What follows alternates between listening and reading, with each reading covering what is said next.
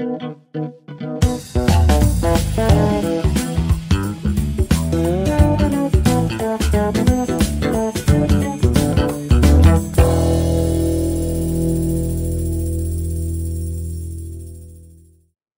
لأحمد سعد اسمها اختياراتي هي الأغنية ما تعنيش أي حاجة خالص آآ الأيام اللي فاتت بس في شوية ناس كانوا بيتكلموا إن إحنا إن شاء الله الدولار هيبقى ب7 جنيه بإذن الله يعني. واحتمال مصر تسلف أمريكا والحاجات الجميلة اللي صوتك واطي سيكا ونوان كده كويس طيب؟ كده أحسن؟ كويس جدا طيب كان في ناس بتتكلم على إن إحنا الفترة اللي جاية إن شاء الله بإذن الله مصر هتسلف الولايات المتحدة الأمريكية و وإن إحنا جبنا جون. وإن التحديات الاقتصادية دي دي نقطة النور اللي موجودة في آخر النفق. والسيد الرئيس عبد الفتاح السيسي قال في بيان يوم الخميس إن مصر بتتطلع عشان تعلي صوت دول الجنوب يعني قصاد مختلف القضايا والتحديات والكلام ده كله فيما يعني يخص مصالح الدول النامية. وده كلام مهم الحقيقة. آآ السيد الرئيس كمان قال إن هو بيثمن إعلان تجمع البريكس آآ دعوة مصر لانضمام لعضويته. كلام مهم برضه، يعني كلام مهم جدًا. مركز المعلومات ودعم اتخاذ القرار التابع لمجلس الوزراء المصري يوم الخميس عمل تحليل حلو كده. آآ قال إيه الفوايد اللي إحنا ممكن ناخدها منه. مركز معلومات ودعم اتخاذ القرار ده تابع لمجلس الوزراء المصري والكلام اللي فيه كلام مهم يعني وكلام منضبط. قال انضمام مصر هيعمل مجموعة حاجات مهمة كده. أول حاجة إن هو بيأكد إن العلاقات متينة. فإحنا أول حاجة هو بيأكد إن العلاقات متينة بين مصر وبين الدول التكتل. تاني حاجة بيأكد إن مصر دولة كبيرة. تمام، يعني العلاقات متينة ومصر دولة كبيرة، نقدم مع بعض كده، وإن هي مكانتها السياسية والاقتصادية والجيوسياسية في الشرق الأوسط وأفريقيا حاجة مهمة. وقال إن ده هي يعني هيخلّينا نهتم بتنمية البيئة. وده برضك حاجات مهمة، يعني ده كلام مهم جدًا. أنا كل ده كنت قاعد باقراه وأنا يعني فرحان وفخور بالكلام اللي بيتقال. وإن ده هيخلّي إن البيئة المصرية وال والاقتصادية والكلام ده كله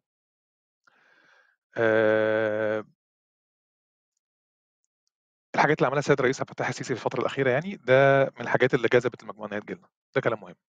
وقال إن ده هيخلّينا الفترة اللي جاية نبقى بلد جاذبة للاستثمار الأجنبي، ماشي. وإن التكتل ده غرضه الأساسي غرضه الأساسي هو تقليل التعاملات ال ال اللي بين الدول بالدولار، وده هيخف الضغط على الضغط الأجنبي في مصر. وده هيصُب في مصلحة المواطن، والله هم قالوا يصُب في صالح تحسين عدد من المؤشرات الاقتصادية المحلية، بس أنا اختصرتها إن هو هيصُب في مصلحة المواطن. وقال إن وجود مصر كدولة موجودة هناك هيدّي فرصة إن هي تاخد تمويلات وحاجات ميسّرة، ووجودها داخل التكتل ده يعني هتاخد من ثمار نجاح مستهدفة وحاجات زي دي. بس. يعني بس، يعني هو ده اللي اتقال. طبعًا آآ ف بشكل بشكل رئيسي يعني مصر كده، كده كانت محتاجة حد تاخد منه قروض، من البلد يعني، مصر كانت محتاجة حد تاخد منه قروض، فالبيان بيقول إن إحنا لقينا حد ناخد منه قروض. تمام؟ تمام. عشان خاطر المشروعات التنموية. وتاني حاجة إن إحنا هناخد من ثمار نجاح المستهدفة أو الحاجات اللي هي كانت موجودة عندهم، التجارب اللي موجودة عندهم، إحنا هناخدها. أوكي. الجنيه المصري دي معلومات بسيطة بقى، الجنيه المصري تراجع بنحو 50% من مارس 2022. واتقال إن السبب في القصة دي الأزمة الأوكرانية. آآ صندوق النقد الدولي وافق على قرض لمصر من فترة. آآ وقال حاجات لطيفة كده. طيب إحنا هنتكلم إحنا اتكلمنا من فترة طويلة على القصة. بس هل مصر مثلًا ممكن الجنيه فيها يبقى ب7؟ يعني قصدي الدولار يبقى ب7؟ والله يا ريت، يعني ما فيش مشاكل. هل ده ممكن يحصل بكرة الصبح أو بعد بكرة أو بعد بعده؟ وكل حاجة جايزة، يعني ممكن يكون في تنين مجنح، لو في ثانية، تنين ثانية، مجنح ثانية، موجود أنت قصدك الدولار اتفضل. يبقى ب7 جنيه والّا الجنيه يبقى ب7 دولار؟ عشان بس عشان والله أفهم. أي حاجة. ال ال الجنيه يبقى ب7 إزاي لا مؤاخذة؟ ما هو الدولار يبقى 7 جنيه الجنيه إزاي ب7 أساسًا؟ كمّل، كمّل. ما هو يعني ما فيش مشاكل، يعني ما فيش مشاكل خا على فكرة عادي، كل شيء والله العظيم كل شيء جايز. يعني عادي جدًا، ما فيش مشاكل خالص، ما فيش مشاكل مثلًا إن عمرو أديب يطلع في الآخر هو المهدي المنتظر، أنا ما عنديش مشاكل في أي حاجة، كل شيء كل الفرضيات متاحة وأنت ممكن تحطها على الترابيزة. يعني سيب سيب ربنا وسيب الحاجات دي كلها بالنسبة لي أنا وأي شيء متاح، ما فيش مشكلة خالص. الفرحة الكبيرة بتاعتنا دي آآ وكلام السيد الرئيس والكلام ده كله خلّانا ما نحاول نفهم، نحاول نفهم. طبعًا إحنا في مصر لإن إحنا دولة بتتمتع بحرية الصحافة والاقتصاد ومن حق الناس تتكلم، وبتوع ما تصدقش اللي هم اتقبض عليهم خرجوا والدنيا كويسة، فقُلنا ندردش شوية. أحمد هيقول مقدمة كده وبعد كده نبدأ نتكلم. اتفضل يا أبو حميد. المنيو طيب بص آه، إحنا كنا عملنا room من ثلاث شهور بالظبط على البريكس على البريكس يعني إحنا يعني عملناها بس عشان المجموعة وكان ساعتها في كلام على إصدار عملة وكانت room كده قصيرة وهتلاقوها في ال profile أو أول امبارح لما طبعا آه، الاجتماع اللي كان في جنوب أفريقيا الاجتماع ال 14 البريكس هنشرح بس آه، كل حاجة في الأول. آه، طبعا إحنا شفنا شفت على تويتر وعلى الفيسبوك. فيسبوك بصراحة مليان memes تضحك موت. وبس شفت أنا على كلاب هاوس كام روم منها روم أنا شاركت فيها بس شفت كمية هبد غير طبيعي. مش كل الناس طبعا في ناس فاهمة آه، بس أغلبية الناس بتهبد. وفي ناس مؤيدة وبتاع الموضوع مش كده يعني الموضوع إحنا هنحاول بس نبسط الموضوع ونشرحه بس ببساطة. وطبعا إحنا بعد ما نخلص أنا مش هطول كتير بس اللي عايز يش- يشارك معانا يتفضل يعني. لأن الموضوع يعني في ناس يعني فاكرانا إن إحنا كده تحررنا ومش عارف إيه وزي ما قال نوي ال- الجنيه هيبقى ب 7 دولار أو الدولار هيبقى ب 7 جنيه والكلام الكبير ده. وفي ناس يعني بتتكلم إن هو ده انتصار عظيم وفي ناس شايفاه يعني صورة غريبة جدا بصراحة. فنبدأ واحدة واحدة يعني. في كده مصطلح كان طلع سنة 2005 اسمه ال Next 11 أو ال 11 الجايين يعني 11 11 بلد كان منهم بنجلاديش آه، مصر إندونيسيا إيران المكسيك نيجيريا باكستان الفلبين آه، كوريا الجنوبية و sorry تركيا وفيتنام. كان بيتكلموا إن القوة دي هتبقى ال- ال- البلاد دي هتبقى اقتصادها كبير جدا جدا جدا في القرن ال 21 اللي إحنا فيه. فدي بس مبدئيا يعني عشان نف- نفهم الدول دي بتفكر إزاي. في حاجة اسمها G 7 اللي فيها وفي G 20 ما ما- يعني أقول لك على حاجة ما ما ما تتكلم باللهجة بتاعت ال- الأستاذ مصطفى بكري. نظام عالمي جديد. بس الناس بيعملوا نظام عالمي الناس بتبارك لك على السماعة. في ناس عايز تعمل نظام عالمي أكثر جدية يعني أو جديد أكتر. عادي يعني بس نظام عالمي جديد. حلو كده. هي هي في اللي هو ما يسمى بال ال global order ده هنتكلم عليه في الآخر يعني. بس دي دي ليها system يعني. إحنا لما نشوف مثلا لما التصويت مثلا على إدانة روسيا في غزو أوكرانيا. هنشوف دول كتير قوي دول كتير منهم باكستان اللي هي دولة حليفة الولايات المتحدة الأمريكية تمتنع عن التصويت. آه، دول يعني الصين قادره دول في أفريقيا كتير كتير أما امتنعت عن التصويت آه، عشان آه، الصين أو روسيا قادرين يعني يضغطوا عليهم دبلوماسيا أو اقتصاديا إن هم ما يصوتوش في إدانة روسيا. مثلا ده بيدينا لمحة كده العالم بيتغير بشكل معين أو ال global order بيتغير بصورة معينة. طيب نبدأ في الأول. إيه هي البريكس؟ مبدئيا هي طبعا البرازيل اختصار ال B البرازيل ال R روسيا وروسيا ال I الهند ال C هي الصين وال S اللي هي جنوب أفريقيا South Africa هي طبعا من ضمن مجموعات الاقتصاديه اللي في العالم. بنسمع عنها كتير الفترة الأخيرة. آه، هم مساحة الخمس دول دي حوالي 26.7 من عشرة من مساحة العالم آه، فيهم 41.5% من سكان العالم وربع اقتصاد العالم تقريبا. يعني الناتج المحلي للدول دي كلها حوالي 25 تريليون دولار اللي هو أكتر بشوية بسيطة من الولايات المتحدة لوحدها وأكتر من شوية من الاتحاد الأوروبي.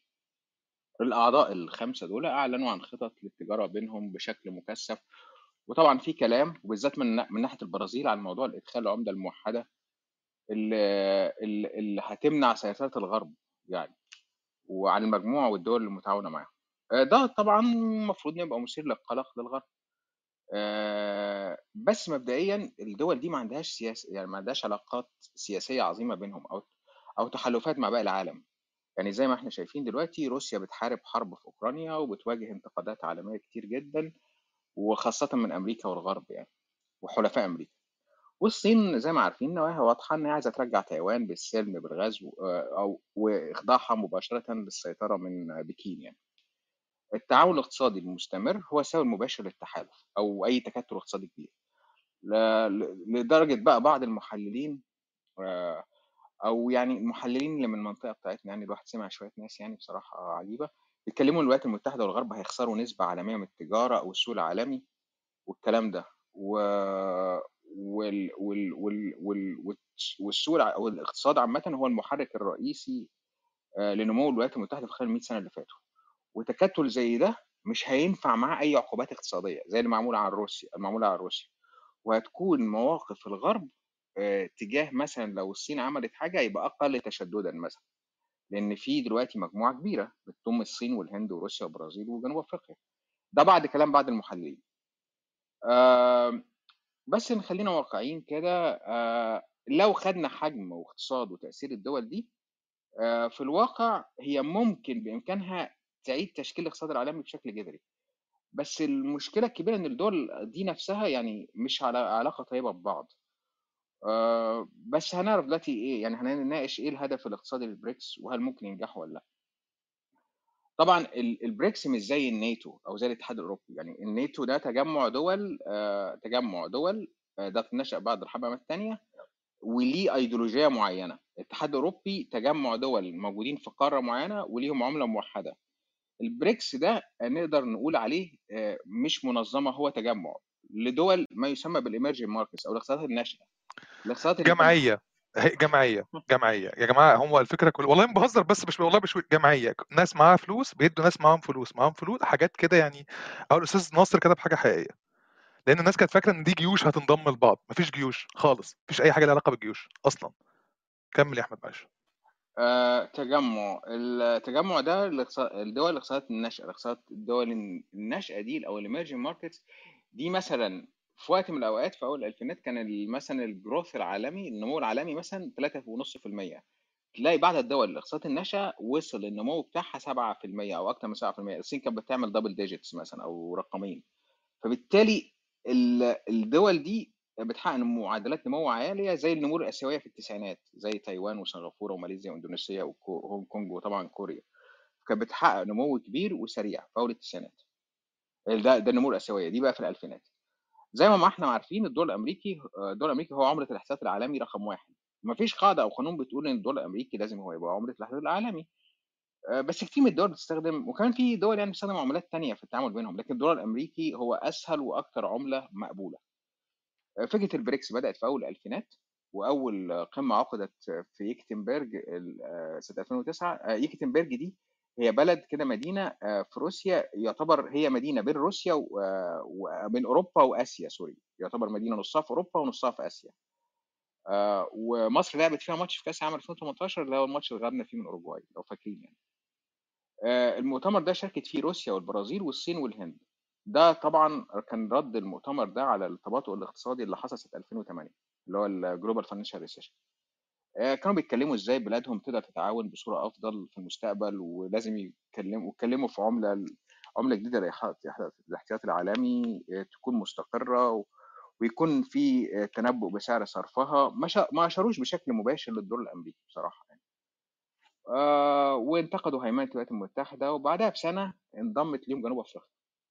وبدأوا بقى يرتبوا مؤتمرات قمة سنوية زي اللي كانت موجودة الأسبوع اللي فات لمناقشة الأهداف الاقتصادية المختلفة. أكبر مشروع عملته الBRICS هو ما يسمى بالNew Development Bank بنك التنمية الجديد، اللي هو من الآخر اسمه بنك الBRICS يعني بنك الBRICS. ده عامل زي صندوق النقد الدولي اللي هو الIMF بيسهّل الاستثمار في الدول النامية عشان يعني تنمية إنتاجها الاقتصادي ويكون ليهم مكان في التجارة العالمية. عضوية بنك الBRICS محدودة. الدول الأعضاء الدول الأعضاء و3 دول تانية، كان من برّه بنجلاديش آآ دخلت في 9/2021 الإمارات دخلت في 10/21 ومصر دخلت في فبراير 23 قبل العضوية الكاملة اللي هي المفروض هتبقى في يناير 24 لمصر. الدول المشتركة في صندوق النقد الدولي يعني إحنا شايفين الBRICS الدول الأعضاء في البنك كانوا 8 أعضاء بس لحد فبراير 23 الدول لكن في صندوق النقد الدولي الدول الأعضاء معظم الدول اللي في العالم ما عدا كوريا الشمالية وموناكو والفاتيكان وكوبا وتايوان وليخنشتاين. آآ دول الBRICS عملوا إيه، قالوا هنستثمر في الsea cables ألياف اللي هي الألياف اللي هي البحرية الضوئية لربط الدول الأعضاء مع بعض. طبعًا إحنا ممكن نفهم إن روسيا والصين والهند وتجاوزًا نقول جنوب أفريقيا ممكن يرتبطوا ببعض بشبكات ألياف ضوئية، لكن البرازيل بعيدة يعني بصراحة عنهم يعني. وبرضه قالوا هيعملوا BRICS games اللي هي زي الأولمبيك أولمبياد ماشي نفهمها زي أولمبياد البحر المتوسط، الcommonwealth، أولمبياد الفرنكوفونية والكلام ده. الدول دي عايزة تعمل بقى إيه، أولمبياد خاصة وألياف ضوئية خاصة وبنك خاص أو صندوق نقد دولي بينهم صندوق نقد خاص وكمان عملة احتياطي خاصة بيهم. في 19 دولة من ضمنهم كانوا عايزين ينضموا التحالف يعني منهم الإمارات وس في منهم طبعًا 6 انضموا هينضموا يناير 2024 بس الأمثلة عن الإمارات، السعودية، إيران، مصر، البحرين، الأرجنتين، أنا مش عارف ليه الجزائر ما عليها بس آآ هي الجزائر رسميًا قدمت رسميًا للحصول على العضوية. وبعض الدول أعربت يعني بشكل غير رسمي عن اهتمامها. آآ زي ما قُلنا دول بريكس عايزين يتعاونوا ويقللوا اعتمادهم على بقية العالم وخاصةً الغرب وتحديدًا الولايات المتحدة. هم عايزين يكونوا محصّنين ضد أي عقوبات اقتصادية أو أي إجراءات اقتصادية مؤذية ليهم، اللي ممكن الغرب يستخدمها ضدهم لو مثلًا نفّذوا طموحاتهم الجيوسياسية، زي كده الصين لمّا عايزة تاخد تايوان. آآ هم لو تاجروا بينهم تاجروا بين يعني بينهم وبين بعض هيتمكنوا إن هم يوصلوا لجميع الموارد المشتركة والقوى العاملة القوى العاملة اللي موجودة في الحتّة دي بالذات مثلًا دولة زي الهند عندها workforce عالي جدًا وهي ضخمة. آآ وخلّينا واقعيين كده لو فكّرنا لو أمريكا أو أوروبا بيستخدموا اليوان الصيني كعملة احتياطي نقدي، طب ما هم هيحاول لو تخيّلنا اليوان الصيني هو العملة ال عملة الاحتياطي الدو رقم 1 دوليًا، و فأمريكا وأوروبا هيفكّروا بصورة كبيرة إن هم هيحاولوا يخرجوا منها ويعملوا عملة بديلة، يعني ال الحلم مشروع يعني. العقوبات الاقتصادية على روسيا وعزلها عن الSWIFT اللي هو شبكة شبكة المدفوعات العالمية، هيخلّي الاحتياطي الرسمي لأي دولة هتحاول تخالف الغرب بلا قيمة. آه طبعًا غزو دولة ذات السيادة يعني زي أوكرانيا مش حاجة هت هتعملها أي دولة، يعني مش أي دولة هتستغزو دولة تانية يعني، أوكرانيا دولة كبيرة يعني. بس ل الفكرة العامة لو ده حصل لروسيا والعقوبات دي اللي هي كانت كانوا بيقولوا استثنائية وunprecedented حصلت لدولة زي روسيا كبيرة، ما بالنا بقى بدول صغيرة ممكن يحصل فيها إيه. آآ فكرة الألياف الضوئية اللي اتكلمنا عنها اللي بين دول أعضاء البريكس هي كانوا بيقولوا إن وكالة الأمن القومي الأمريكي بتعترض البيانات اللي بتتدفق عبر الولايات المتحدة الأمريكية. فمن الطبيعي إن الدول دي تستثمر في قنوات الاتصال الخاص بيها. وبرضه ممكن نكون واقعيين الناس مش مبسوطة بسياسات صندوق النقد الدولي وطبعا في حالة عداء تجاهه. آه، بس بنك التنمية الجديد بأمانة اللي هو بنك البريكس مش هيبقى مختلف كتير. وعلى فكرة في the World Bank و African بنك التنمية الأفريقي وبنك التنمية الآسيوي والبنك الأوروبي للإعمار والتنمية وبنك الاستثمار الأوروبي و International Finance Bank وحتى في آه، بنك التنمية الإسلامي وغيره يعني. كل البنوك دي ليها نفس ال system يعني. طبعا آه، البريكس آه، يعني كم- تجمع اقتصاده قوي بس من الآخر هي الصين هي الأساس. آه، لأن اقتصاد الصين بيمثل حوالي 70% أو أكتر من آه، أقوى أقوى اقتصاد من دول المجموعة كلها. بس البريكس خلينا واقعيين من 2009 بس مش فعال حتى الآن. آه، فكرة بقى العملة الموحدة آه، لو اتكلمنا عن عملة موجودة هتبقى غالبا اليوان الصيني يعني تبقى العملة المفضلة يعني. بس لو بصينا كده على الاحتياطي العالمي ال- العالمي يعني آه، هنلاقي الدول الدولار الأمريكي قرب يعني من كعملة عملة ريزيرف عالمية يعني آه، نسبتها 58.4% يعني كل دول العالم يعني نسبة الدولار الأمريكي في الاحتياطي النقدي حوالي almost 60% 20.5% يورو 5.5% ين ياباني 4.9 أو almost 5% جنيه استرليني. آه، اليوان الصيني 2.7% الدولار الكندي 2.4 الدولار الأسترالي 2.1 يعني من الآخر اليوان الصيني بيمثل 2.7 من احتياطي الدول العالم كلها اللي هو اليوان الصيني قريب من الدولار الأسترالي والدولار الكندي يعني. ففكرة حتى اليوان الصيني يبقى هو ال global reserve بتاعهم أو العملة اللي هيتاجروا بيها آه، بصراحة فكرة لا لو يعني لو قلنا إن هم هيستخدموا عملة موجودة آه، فكرة العملة طبعا التانية دي الجديدة دي عملة يعني اللي بيتكلموا عن عملة جديدة وتكون مدعومة بالذهب بس الكلام ده يعني بيتكلموا فيه من 2009 وما حصلش حاجة حتى الآن. وحتى لو حصلت هتضيف تعقيدات كتير قوي للتداول بين العملات المحلية لأن في عملة جديدة let's نسميها البريكس فالبريكس هيبقى ليه آه، ليه سعر صرف قدام اليوان. قدام الروبل قدام الريال البرازيلي قدام الروبية الهندية. واقتصاديا هتبقى غير فعالة إلا لو لغوا العملات العملات المحلية كلها وتبقى مثلا زي اليورو. بس دي قصة تانية خالص يعني. بس نيجي نشوف بقى اقتصاد المجموعة. آه، زي ما قلنا هي دول ناشئة نا- آه، اقتصاد الدول الناشئة emerging market. عندها معدل نمو اقتصادي عالي وبيطوروا صناعات متقدمة. وكان في توقع حقيقي بأنهم هيتحكموا باقتصاد العالم. الحقيقة إن هم أقوياء كمجموعة لأنهم عندهم مثلا إيه آه، قوة عاملة كبيرة بالذات الهند مثلا. آه، موارد موارد آه، دو- دول دولة زي روسيا ودولة زي البرازيل ودولة زي جنوب أفريقيا دول عندهم موارد طبيعية آه، هايلة جدا. تكنولوجيا زي الص- الصين طبعا وبعدها الهند. عندهم ثلاث دول نووية يعني عندهم الصين وروسيا والهند دي دول من النادي النووي يعني. بس خلينا واقعيين اقتصاد اقتصادات الدول دي تباطأت بشكل ملحوظ. روسيا مثلا اقتصادها اقتصادها نمو واقف من 10 سنين. نمو واقف ما بيحصلش نمو في الاقتصاد الروسي. ده العكس بيحصل ديكلاين طبعا بعد حرب أوكرانيا الدنيا رايحة في 60 داهية. والعقوبات الاقتص- الاقتصادية يعني يعني أصلا أصلا مخلاه مخلاه الاقتصاد الروسي يعني يعني قدامه ممكن فترة طويلة عشان يبدأ ينهض تاني. البرازيل كدولة خسرت ما يقرب من نص ناتجها الاقتصادي في آخر 10 سنين. وتعافيها من أزمة الكوفيد بطيء جدا بسبب المشكلات ال- المتسببة هناك. آه، مشكلات السياسية. شفنا حرائق الأمازون شفنا واحد زي بولسونارو لما جه البرازيل آه، راجل يعني كان هيومن جاربج راجل أصلا زبالة آه، يميني متطرف قدر آه، كان بيقول الكوفيد مثلا ده زي دور برد مات فيها حوالي نص مليون برازيلي في التقديرات الرسمية آه، التقديرات الغير رسمية أكتر بكتير. جنوب أفريقيا أصلا العضو الأصغر في المجموعة ما فيش نمو اقتصادي حقيقي في العشر سنين اللي فاتوا. وحتى الصين اللي كانت بتحقق نمو مثلا ب double digits يعني 14% وكانت قوة اقتصادية لا يمكن وقفها الآن بتعاني من تباطؤ اقتصادي وبتشوف مشاكل كتير والتوقعات مش متفائلة للصين زي زمان. وحتى لو قدرت تتعاون دول بريكس بينها وبين بعض مش هتقدر تسيطر على الاقتصاد العالمي. وحتى دخول دول الخليج مثلا ومصر والجزائر واوروجواي مهما مهما ما هماش حلفاء للدول الأعضاء. يعني مثلا لو بصينا الصين والهند أكبر اقتصادين طبعا دول خدوا حروب ضد بعض ومواجهات عسكرية ضد بعض وعندهم حدود متنازعة بين بين الصين والهند.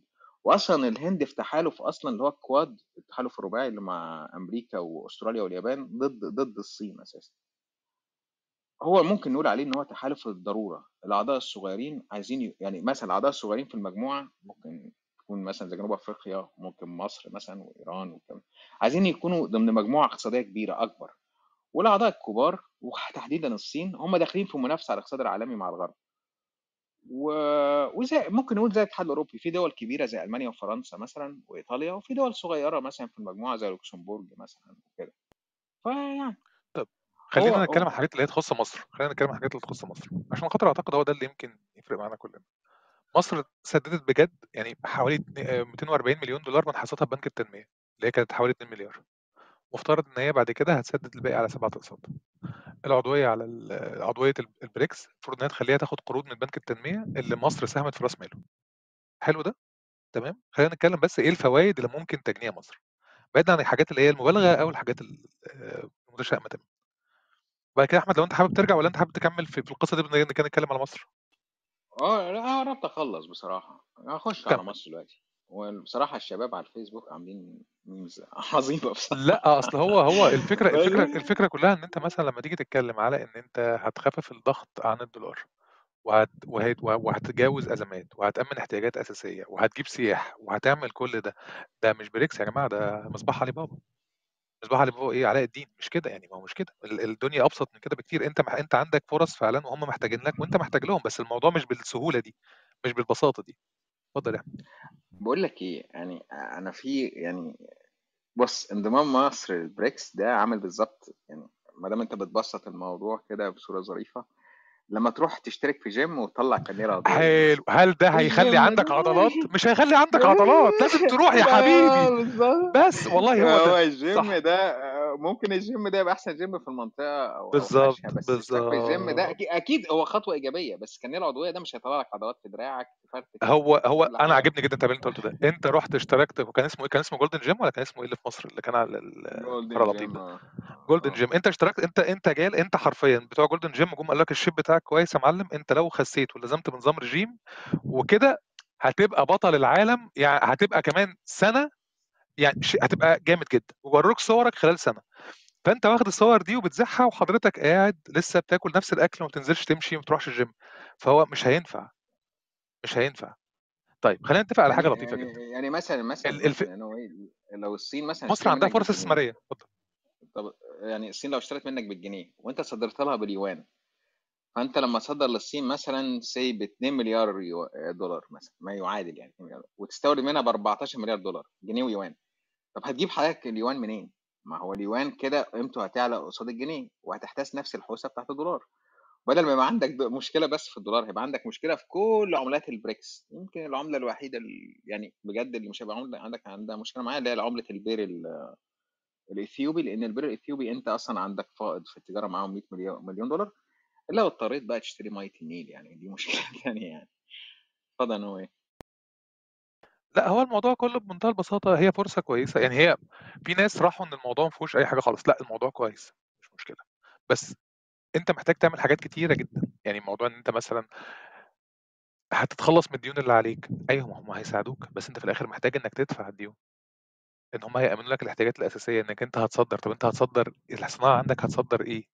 هو ده الكلام اللي أنت محتاج إنك تتكلّم فيه بشكل ألطف، خطوة كويسة، خطوة كويسة جدًا، طبعًا خطوة كويسة ولطيفة وكل حاجة، بس وبعدين، ها وبعدين؟ أو يعني وما أن الأمر كذلك، يعني مثلًا أنت طول الوقت بتتكلّم على جذب استثمارات كبيرة ودعم الاقتصاد، وطول الوقت بنتكلّم إن إحنا كل الفُرَص ليها علاقة بإن إحنا عندنا في فُرَص لجذب الاستثمارات، أيوه فين الاستثمارات؟ هل الدول دي أنت لمّا تمضي معاها هتيجي بكرة الصبح تقول لك هنستثمر عندك؟ طيب أنت كده أو كده هيبقى عندك قيمة لطيفة جدًا إنك أنت هتحضر القمة كل سنة وهتحدد بعد كده مثلًا هيبقى عندك حق التصويت، معونات وقروض وحاجات من دي، بس لو أنت كده أو كده، أنت كده أو كده مقترض، يعني أنت كده أو كده مقترض، هتعمل إيه؟ أنت محتاج الملخص اللي اتكلمت عليه أغلب وسائل الإعلام المصرية بتتلخص في كذا نقطة، هنتكلم فيهم بشويش، أول حاجة إن أنت هتخرج من هيمنة الدولار وهتفتح قنوات تمويل جديدة بخلاف صندوق النقد الدولي صندوق النقد قصدي والبنك الدولي.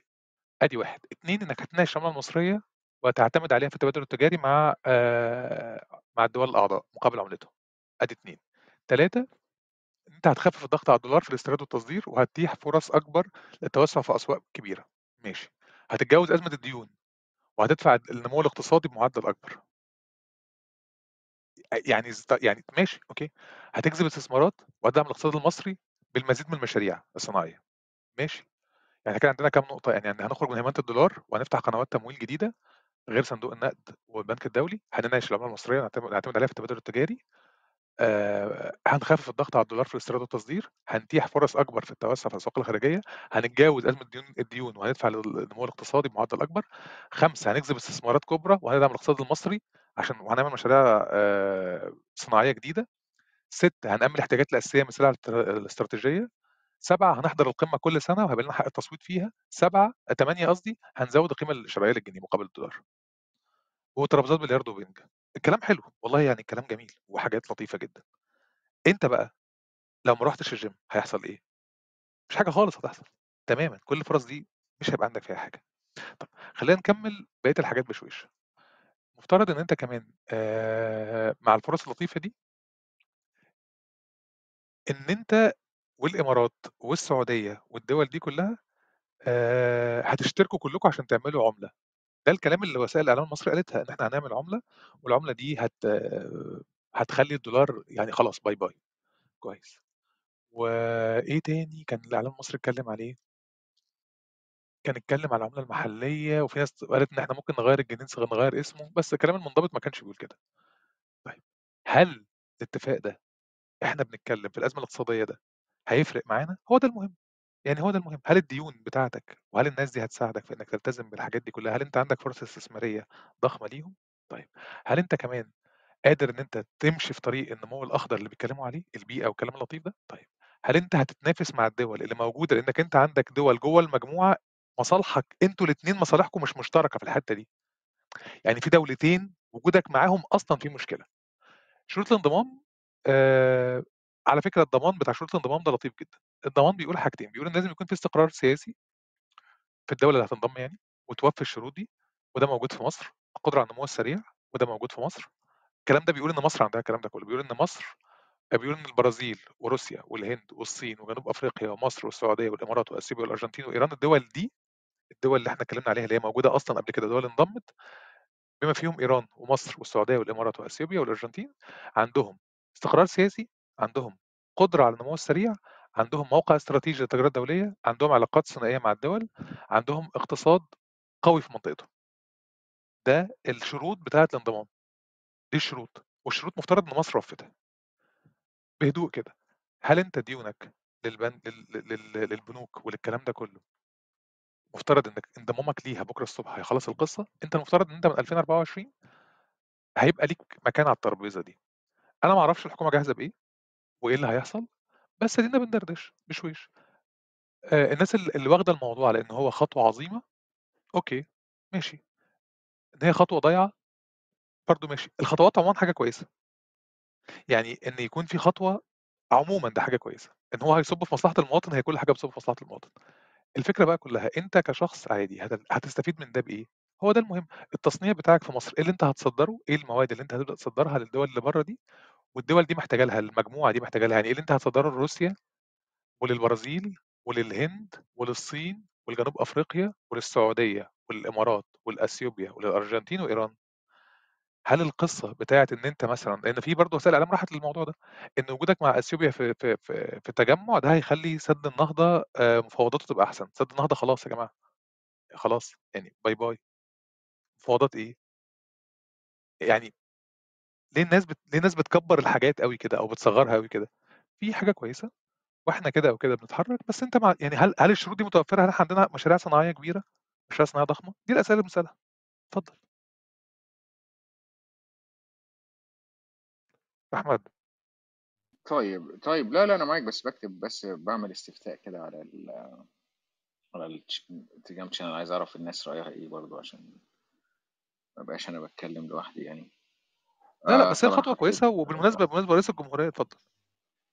آآ آآ ماشي أوكي. أنا بس هاقول حاجة بس في الآخر هو آآ يعني ال الBRICS مش تقليل من الBRICS هم مجموعة بتتقابل في قمة سنوية زي ما هو قال ومناقشة أهداف اقتصادية والزخم الإعلامي اللي بتاخده بس عشان الأعضاء بتوعها آآ وقوتهم بالذات الصين يعني.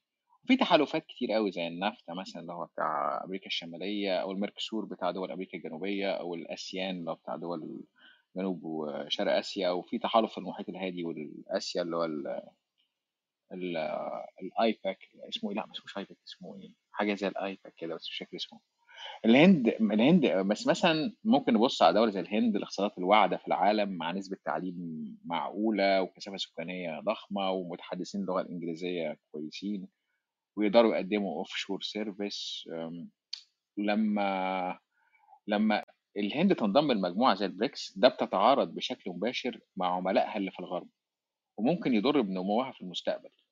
آآ التحالف بين دولة اقتصادها جبار زي الصين ودولة عندها workforce زي الهند ودول عندها موارد زي روسيا والبرازيل وجنوب أفريقيا بالإضافة طبعًا قلنا دول نووية ده حاجة يعني المفروض إن هو ينتج عنه وَحْش اقتصادي. زي ما قلنا الGDP الناتج المحلي بتاع الدول دي كلها 25 تريليون دولار أكتر بك قليل من الولايات المتحدة آآ الصين طبعًا 17.5 مليار والباقي 7.5 تريليون دولار آآ سبعة 17.5 تريليون والسبعة 7.5 تريليون باقي الدول التانية. آمم السؤال ال اللي ممكن نسأله آآ هل مثلًا الهدف الاقتصادي إيه الهدف الاقتصادي والسياسي لمجموعة الBRICS؟ هل آآ هتسبب تهديد للدول للدول الغرب وتحديدًا الولايات المتحدة الأمريكية؟ هل هتنجح؟ هل مصر ممكن تستفيد استفادة كبيرة من انضمامها للBRICS؟ هل مصر هتقدر تناور مثلًا وتاخد مثلًا قروض آآ بشروط أحسن مثلًا من بنك التنمية الجديد اللي هو بنك الBRICS عن صندوق النقد الدولي أو جهات مانحة أخرى؟ آآ زي ما قال نوي مثلًا هل انضمام مصر وأثيوبيا لنفس المجموعة ممكن يحل مشاكل مثلًا ممكن تتعلق بسد النهضة أو سدود مستقبلية؟ يعني هل مثلًا ال النظام العالمي الجديد هو في حد بعت لي بعت لي رسالة وهو كاتب مقال على الحكاية دي هاحاول أطلّعه لو لو ينفع نوي بس هو بعت لي رسالة على طبعًا، أو أهلًا حاجة وسهلًا. زي كده. طب ثانية واحدة هاحاول أطلّعه، كاتب مقالة باين في جريدة فأنا مش عارف أنا مش عارف أجيبه بصراحة، فياريت ترفع إيدك لو ينفع. آآ أنا مش لاقيه. فيعني هي الفكرة كلّها ال الفكرة كلّها دي أسئلة كلنا كلنا بنتس بنتساءل عليها يعني، بنتساءل فيها وأنا حطيت بعيد عن استفتاء الأبيض والأسود، بعيد عن الأبيض والأسود، بعيد عن إن هم حاجة حلوة أوي أو حاجة وحشة أوي أو مصر جابت جون أو مصر دخل فيها جون، الدنيا أبسط من كده يعني بهدوء. كمّل يا أحمد، اتفضل. لأ، ما هي دي دي الأسئلة ال هو اسمه فوزي، أنا فاكر اسمه فوزي بس مش عارف أجيبه. آه، ثانية واحدة. هو باعت لي مقالة بيتكلم فيها عن النظام العالمي والBRICS والنظام العالمي، بس مش مش لاقيه بصراحة هو موضوع هو. هو هو أنت أنت الموضوع بتاع النظام العالمي ده هو اللي يمكن مهم جدا انك تتكلم عليه هو البريكس والكلام ده كله موجود ليه؟ ليه؟ السبب الرئيسي إيه؟ هل السبب الرئيسي ان هو يخرجك من المشاكل الاقتصادية؟ هل هو مثلا مجموعة من الدول مفترض إن هي مثلا اترفضت من الدول من التمويل العالمي فعملت بديل مثلا؟ يعني هو موجود أصلا ليه؟ إيه سبب وجوده؟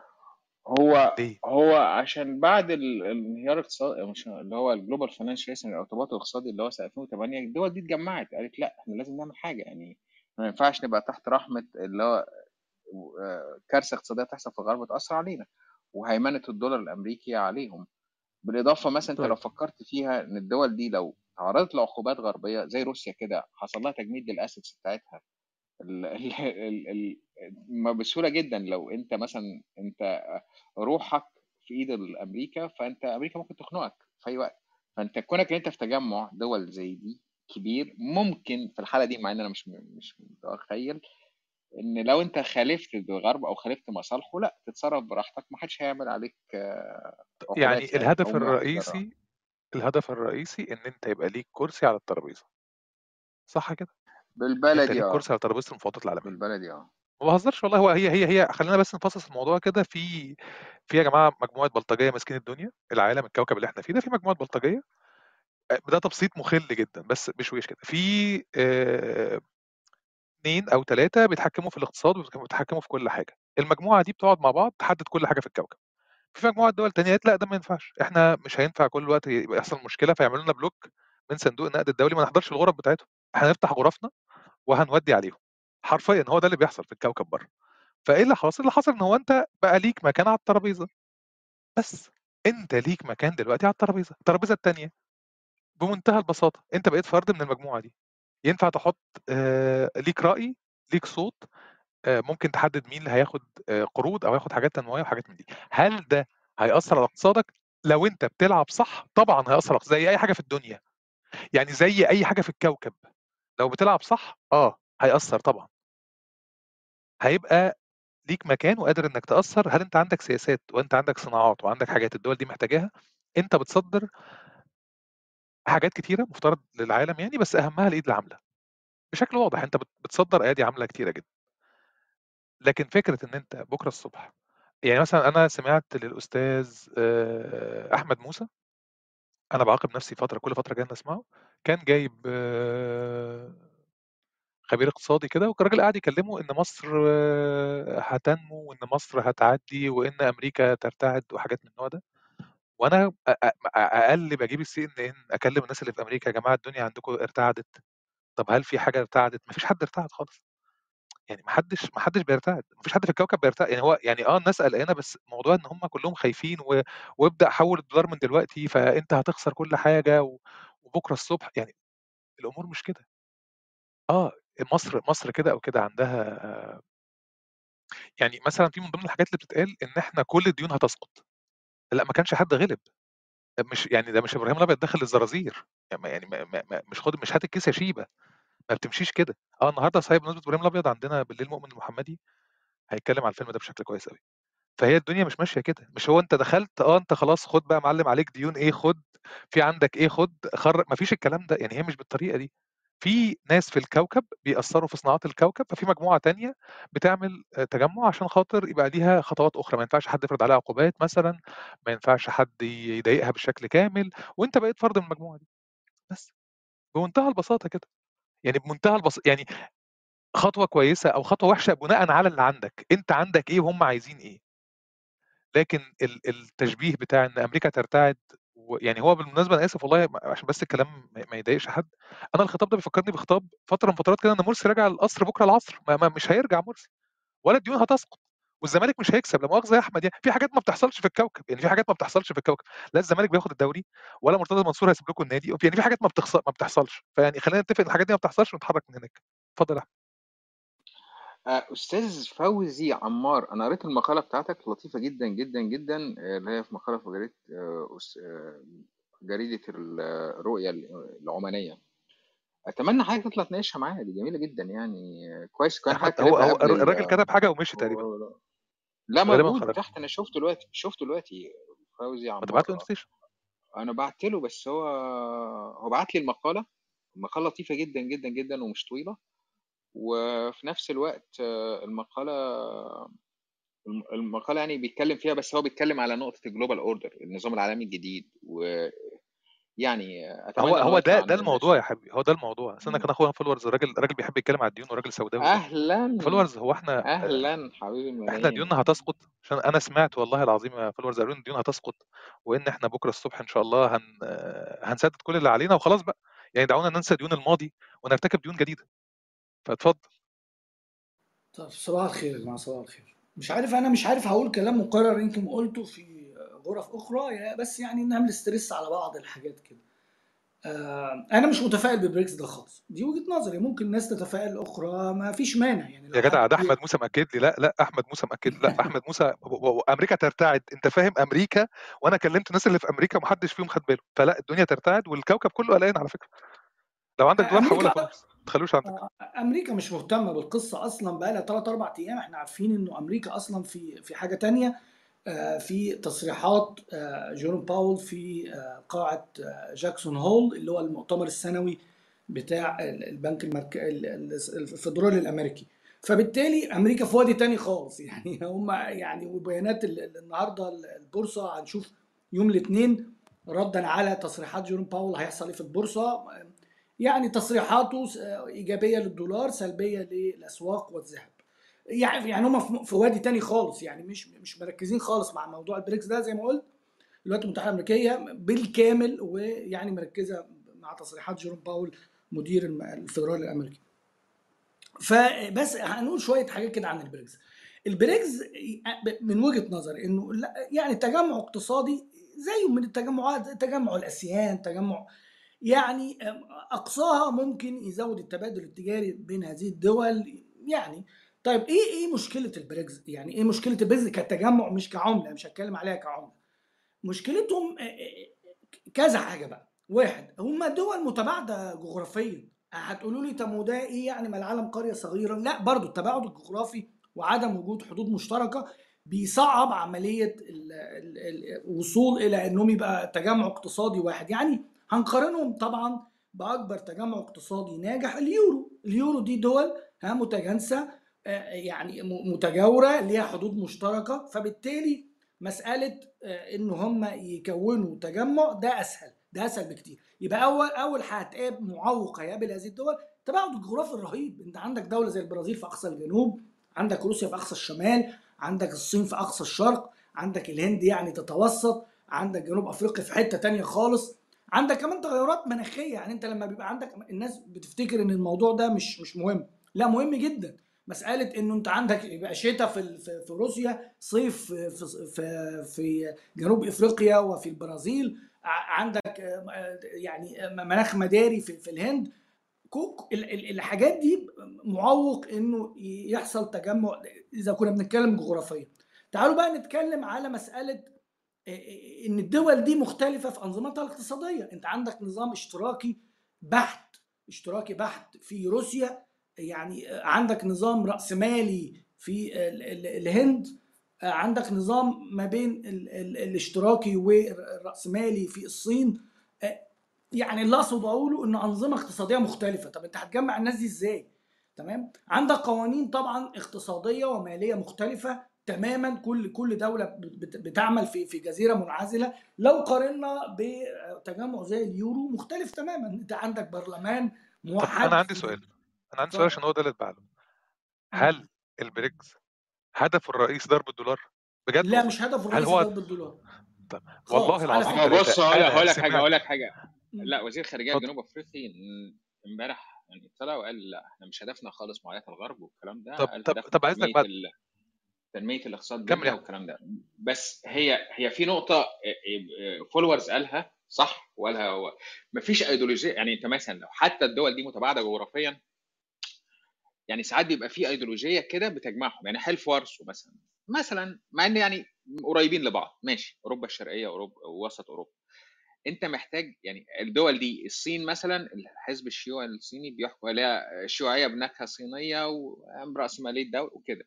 روسيا بختلف معاك يا فولور هي مش اشتراكية خالص دي ده نيو ليبراليه وراسماليه بعفنة بشويه مافيا وشوية عصابات حاكمين بلد يعني.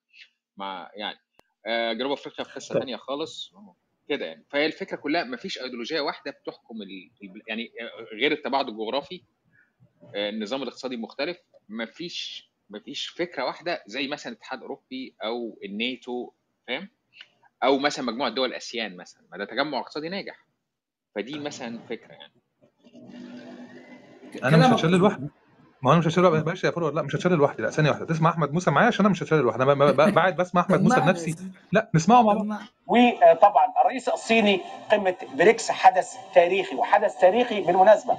اليوم بداية بداية لضرب الدولار. النهارده. النهارده. ولسه كنت بقول لكم امبارح واول امبارح واول أول الأسبوع اللي فات واللي قبله بقول لكم القمة دي. ولكن النهارده الكلمات تركز على استهداف الدولار العملات الوطنية. لأنه بقى النهارده في بنك التنمية الجديد. بنك التنمية الجديد بالمناسبة إحنا أحد أعضاء هذا البنك. مصر عضو دلوقتي في البنك ده. إيه البنك ده؟ البنك ده بنك بريكس. إحنا ضمينا لهذا البنك وخلاص مجلس النواب وافق على الانضمام في يناير الماضي وسياده الرئيس صدق على انضمام مصر خلاص على طول من بداية هذا العام. أصبحنا رسميا عضو في بنك التنمية الجديد اللي هو بنك بريكس. طيب ده يا جماعة يوريكم إن أهمية إن أنت تدرس لابنك لغة أجنبية لأن آه، بشكل أو بآخر مهم جدا إن أنت تفهم إيه اللي بيحصل في الكوكب. وده ده شخص مثلا الشخص ده مفترض إن هو مذاكر وقاري وفاهم الكلام اللي بيتقال.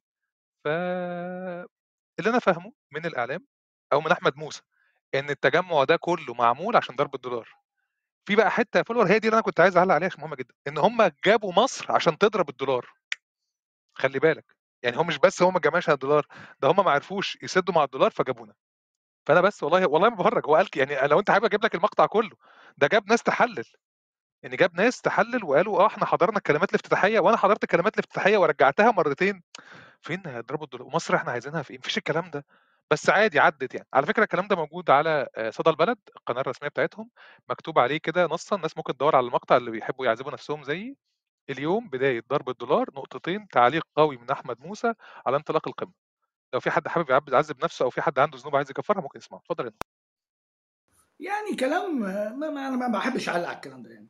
لكن عايز أقول حاجة غريبة جدا. يعني مثلا ال- البريكس ده عملوا صندوق اسمه صندوق الطوارئ بالدولار. يعني يعني حاجة يعني أنا شايف إنه القصة قصة الدولار دي قصة مبالغ فيها واللي بيضخم فيها الإعلام المصري أنا معظم الكلمات اللي اتكلم فيها رؤساء القمة اللي موجودين في القمه البريكس دي أنا مش شايف إن حد يعني قرب من قصة الدولار دي غير الرئيس الروسي ومعروف ليه؟ يعني الراجل يعني في يعني على يعني في عداوة مباشرة مع الغرب ومقفل له كل احتياطياته النقدية آه، خرجوه من النظام العالمي. نسيت أقول إن أنت عندك دولة أساسية في هذا التجمع خارج النظام المالي العالمي آه، خالص. يعني يعني بت- زي ما بيقولوا بتعزف منفردة. طب انت هتتعاون مع دولة خارج النظام العالمي؟ يعني متصور ده؟ يعني دولة بتعتبر ما- مارقه اقتصاديا النظام العالمي ال- ال- المالي العالمي يصنفها أنها دولة مارقه تمام؟ انت هتتعامل معاها إزاي؟ طيب إحنا بقى نرجع لمصر بقى. ده ده المهم اللي الناس كلها عمالة تقول مصر مصر مصر مصر. انضمام مصر يعني للبريكس من من وجهة نظرنا إحنا. ليه أهداف ومن وجهة نظرهم هم ليهم أهداف. يعني هم ليه ضموا مصر ومصر عايزة تنضم ليه؟ ده مهم جدا. طيب هم عايزين يضموا مصر ليه؟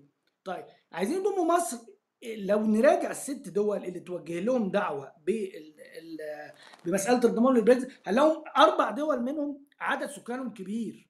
اللي هي مصر الأرجنتين آه، وإيران وإثيوبيا. كل دول الدول دي آه، عدد سكانها كبير آه، يعني عارفين إنها يعني عدد ملايين كبير قوي زي مصر وإثيوبيا معديين ال 100 مليون وإيران يعني على حق على حافة إن هم يخشوا على 100 مليون والأرجنتين أعتقد حد يقول لي إذا كان 80 مليون يعني يعني عدد سكان 60. كبير 60 طيب يبقى إذا عدد يعني- سكانهم كبير آه يبقى هم بيدوروا على إيه؟ بيدوروا على أسواق استهلاكية يعني بيدوروا على أسواق تقدر تستهلك الإنتاج الصناعي والخدم الكبير اللي طالع من الهند اللي طالع من الصين اللي طالع من البرازيل باعتبارها قوة كبيرة طبعا قوة اقتصادية كبيرة. يبقى اذا هم بيبحثوا عن دول يقدروا فيها يستهلكوا ويسوقوا إنتاجهم التجاري وإنتاجهم الخدمي. دي حاجة. الحاجة الثانية إن عارفين إن هم بيختاروا دول تكون في ممرات التجارة العالمية. يعني بمعنى إنه ال- ال- ال- الأرجنتين تحت ممكن يستغلوها في شوية في التجارة مصر طبعا لأن مصر دي يعني في آه،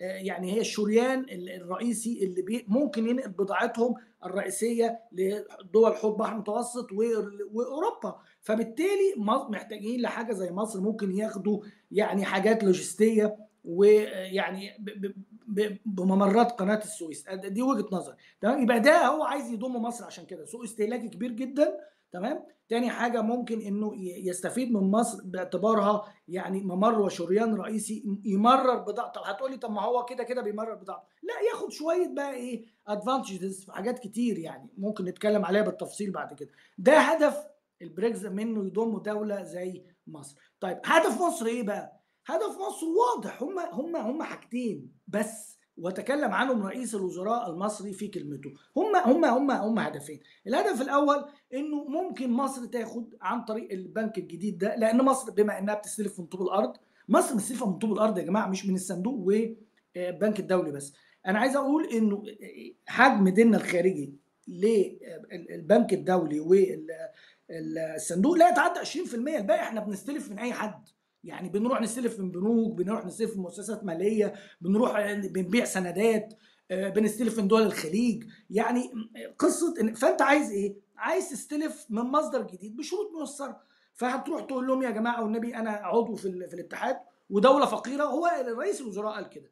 قال يعني المفروض دول الاتحاد تساعد الدول الفقيرة. يعني مين الدول الفقيرة؟ اللي موجودين في القصة هم ثلاث دول يعني اللي هو مصر وإثيوبيا وال- وال- والأرجنتين بما إنها يعني دولة تمر بظروف اقتصادية يعني آه، زينا يعني زي حالتنا. فده هدف. الهدف الأولاني إن أنت تاخد قروض ميسرة آه، تسدد بها الديون اللي عندك القديمة يعني. أنت هتاخد قروض ميسرة تعمل بيها إيه يعني؟ الهدف الثاني أنت قصدك إن هي جمعية ودايرة؟ يعني أنا هاخد من عمه ده أحط في أيوه ده؟ Ponzi scheme طبعا. آه ما إحنا بنعمل إيه دلوقتي؟ جمعية ودايرة. ديون طب يعني بص بص بص الكلام. قول لهم يا جماعة إحنا هنعمل جمعية عشان خاطر نسد قصاد الجمعيه الاولانيه ليه أيوه بسط الكلام كده. خليها آه هي آه جمعية ودايرة.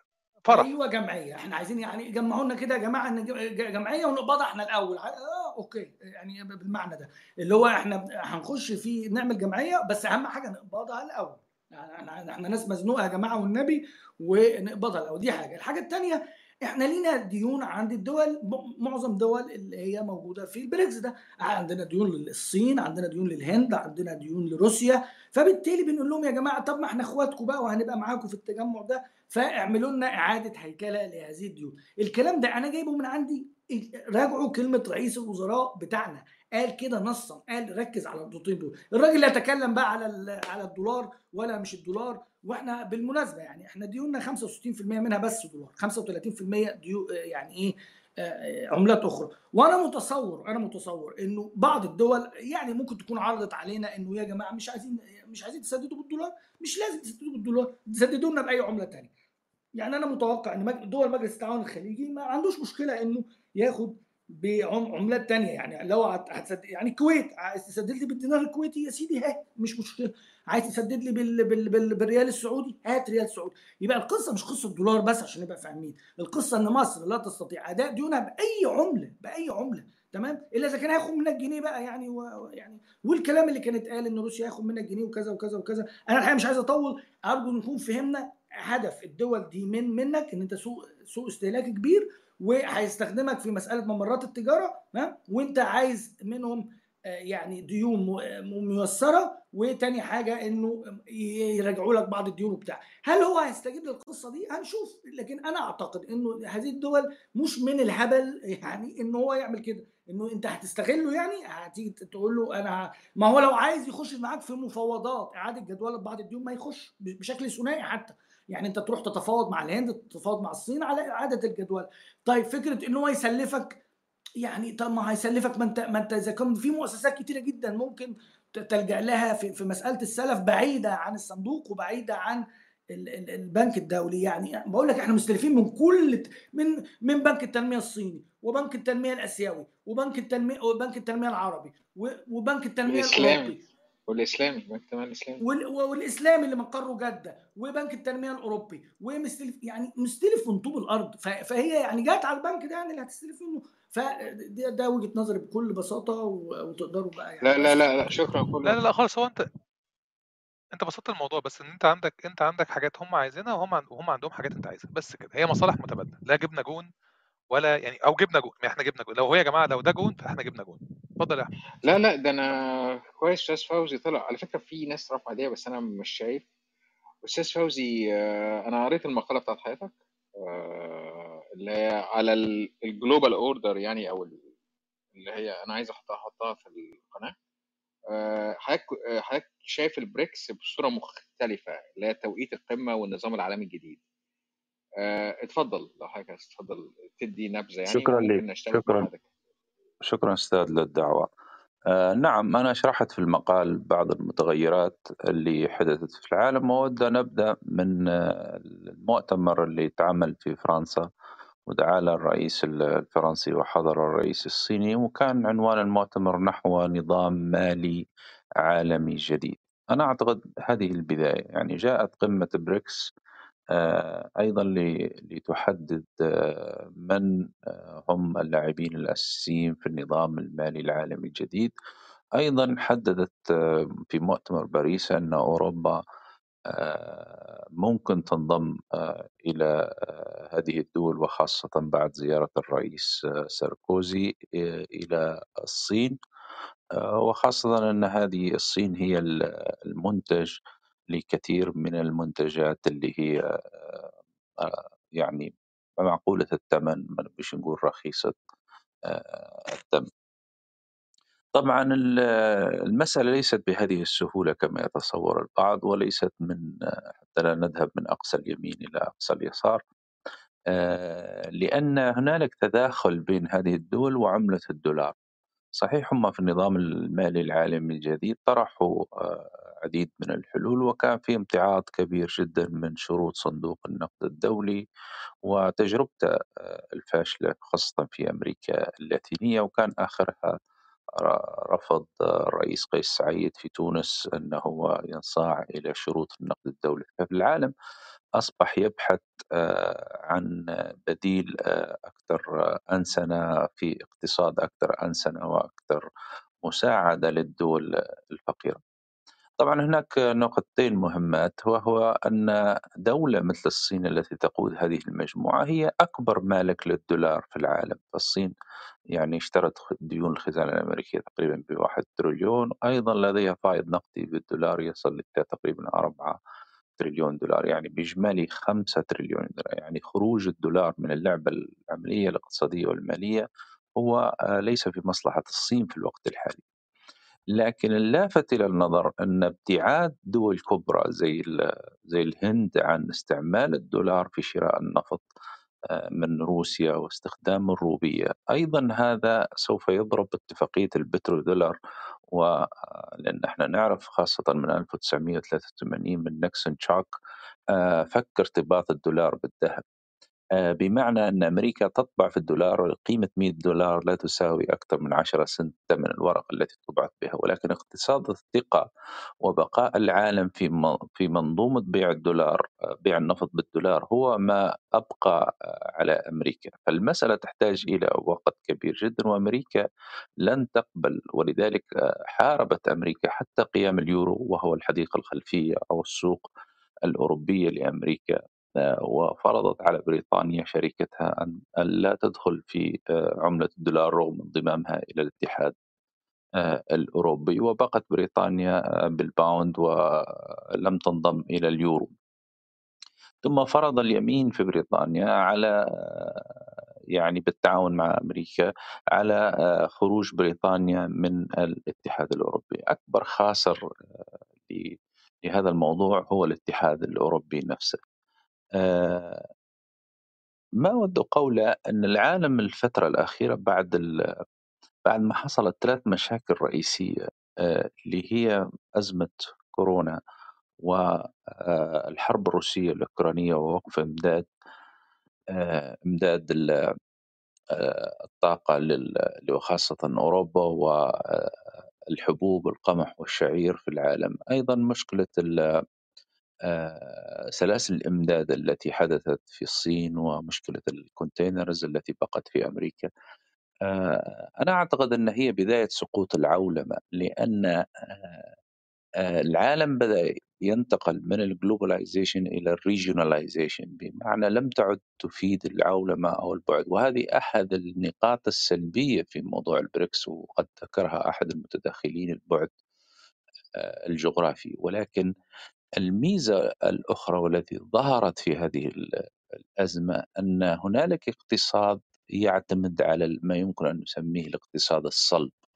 الاقتصاد الصلب لو أنت تجي تلاحظ أن أمريكا صحيح هي أكبر دولة في العالم ولكن أمريكا لا تملك هذا الاقتصاد الصلب. أمريكا, أمريكا تملك ما يسمى بال digital economy أو ال virtual economy الذي يعتمد على على creative economy أو نسميه مثلا نضرب مثال يعني ميتا الميتا ولا الفيسبوك والتويتر تقديرها بمئات المليارات ولكن عند في حالة الحروب وحالة الظروف الاقتصادية الصعبة مثل التي نمر بها نحن في حاجة إلى الاقتصاد الصلب الذي تملكه روسيا والصين.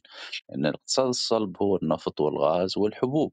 يعني ماذا تفعل أنت دول زي أفريقيا بالفيسبوك وتويتر هي في حاجة وهي في حالة من من المجاعة. فبالتالي العالم انتبه إلى هذه النقطة. هناك تشكل الآن إلى اقتصاد عالمي جديد يراعي كل هذه الأشياء. حتى المشاكل التي طب خلينا جملة خلينا واحدة خلينا نعدي على حاجات بس. آه اتفضل. لا جملة واحدة بس. حتى المشاكل السياسية آه، آه، التي ظهرت مثلا بين تركيا والدول العربية سواء كانت مصر والسعودية والإمارات تم الوصول إلى حلحلة تحت وطأة المسألة الاقتصادية واتفقوا الأتراك مع الدول العربية الكبرى على تحييد الجانب السياسي والتكامل الكامل الاقتصادي لأن تركيا في أزمة مالية مصر في أزمة مالية فتم الاتفاق أن إحنا نحيد سياستنا ورضخت تركيا لكل الشروط التي طلبتها مصر لإخراج جماعة الإخوان المسلمين والإعلام المضاد للحكومة المصرية فبالتالي هذه التغييرات كلها تحت وطأة نظام عالمي جديد قاعد يتشكل. شكرا. طيب شكرا جدا. خلينا نعدي بس الحاجات مش هنعلق في حاجات ما يعني إحنا عدينا سريعا كده. أه محمد اتفضل. محمد رمضان السلام عليكم. أكثر كده اتفضل. بص حضرتك هو أنا يعني أنا مش مش أدرجي أو مش دا- داري بال- بالسياسة كويس بس أنا عايز أقول كلمة. هو حضرتك تنظيم البريكس دي هت- هتكون عائد كويس على مصر ولا إيه؟ أنا طيب بس عايز أقول إن إحنا حضرتك متصور في حاجة عايز نهتم حضرتك بيها حضرتك متصور في جيم صح؟ آه طيب أنت لو أنت اشتركت في جيم دي حاجة كويسة ولا حاجة وحشة؟ حاجة كويسة جدا طب ولو ما رحتش الجيم هيأثر في حاجة؟ يعني أكيد مش هيأثر بنسبة 50% يعني بس أكيد أكيد لا هيأثر بنسبه بنسبه 100% خالص مش هيأثر 100% خالص آه أنت رحت. طيب هو ده اللي هو ده بالظبط انت الموضوع كلها بمنتهى البساطة كأن حضرتك اشتركت في جيم رحت بقى الجيم ف- وعملت عضلات ربنا هيبارك لك. ما رحتش فأنت معاك اشتراك الجيم لمدة سنة. حلو كده؟ حلو. بس كده. تمام؟ طب أنا كنت كنت عايز أقول حاجة ممكن تاني اخر حاجة اتفضل. آه طبعا. آه اتفضل. هو هو إحنا يعني إحنا في في حاجة عايزين ن- نهتم بيها الفترة اللي جاية مجال الصناعة. نبتدي نفتح المصانع والكلام ده. هو بيتكلم حضرتك في المديونيه والكلام دي. لو إحنا سددنا مديونيتنا زي ما الناس بتقول استفدنا واستفاد نبتدي نفتح المصانع المقفولة في مصر زي مصنع أسمنت مصنع الغزل. أكيد دولت برضه هنستفاد بيهم كت- كتصدير والكلام دوت. كلام صحيح جدا. اي اي أي صناعة هتفرق معاك في الاقتصاد وحتى هتخليك هتطلعك من هتطلعك من هتطلعك من ال... ال... ال... ال... اللي انت فيه دلوقتي. الصناعه التصدير تمام. هتبدأ هو تفتح معاك يعني شوية. رغم وأنت بتتكلم حلو داخل عشان أنت داخل مع دول أعتقد دول ممكن تستفاد بيها. صح ولا مش صح؟ صحيح صحيح. كلامك زي الفل. وأنت بتتكلم كويس. ما تعتذرش ابدا على كلامك في الأول. اتكلم زي ما أنت لا عايز أنا مش أنا أنا حبيت أخش معاك وعايز أسمع. أنا بحب أستفيد. أنا ما عنديش ما عنديش وأنت خبرات في جميل. المعلومة بس أنا بحب أستفاد بس. شكرا حبيبي يا كابتن محمد. حبيبي شكرا جدا لحضرتك. أستاذ محمد الجابر إزيك يا فندم؟ أخبارك إيه؟ يا رب تكون بخير. مساء الخير. مساء الخير. أنا بس حبيت يعني في طبعا أنا سمعت كلام محترم جدا. بس برضو سمعت كلام مش متفق عليه قوي. أنا عايز أقول بس في حكاية البريكس أه، أنا شايف إنه الانضمام في حد ذاته حاجة كويسة وخطوة أه، كويسة. بمعنى إنه لو تختار بين إنك تنضم أو لا تنضم أنا أعتقد الاختيار بالانضمام طبعا دي, دي, دي خطوة كويسة لأنه الانضمام لأي تحالف اقتصادي آه، مفيد. مفيد بقى في حاجات كتيرة يعني مفيد لل, لل يعني مش عايز أقول تكامل اقتصادي بس بي- بيسهل حاجات كتير في الجمارك في تسهيلات في تمثيل دبلوماسي تأشيرات كل الحاجات دي يعني أعتقد أي أي تحالف آه، ومصر مشتركة في تحالفات كتيرة زي الكوميسا وخلافها أو ال- ال- ال- ال- ال- الأوروبي المتوسطي وهكذا. طبعا كل تحالف ليه ميزات وعيوب وفي تحالفات منظر بس وفي تحالفات فعالة وقائمة. ال- ال- النقطة التانية بقى ده من الناس اللي هي يعني معارضة وبتقول لك أو معارضة للانضمام وتقول لك ده مش هيفيدنا بحاجة لأ هيفيدنا. بس ال- ال- ال- الجزء بقى التاني إنه الناس بتصوره إنه هيفيدنا ومحاربة الدولار الدولار وإحنا هن- هنطرحه ارضا والكلام ال- اللي هو ليس له أي أي أساس من العلم.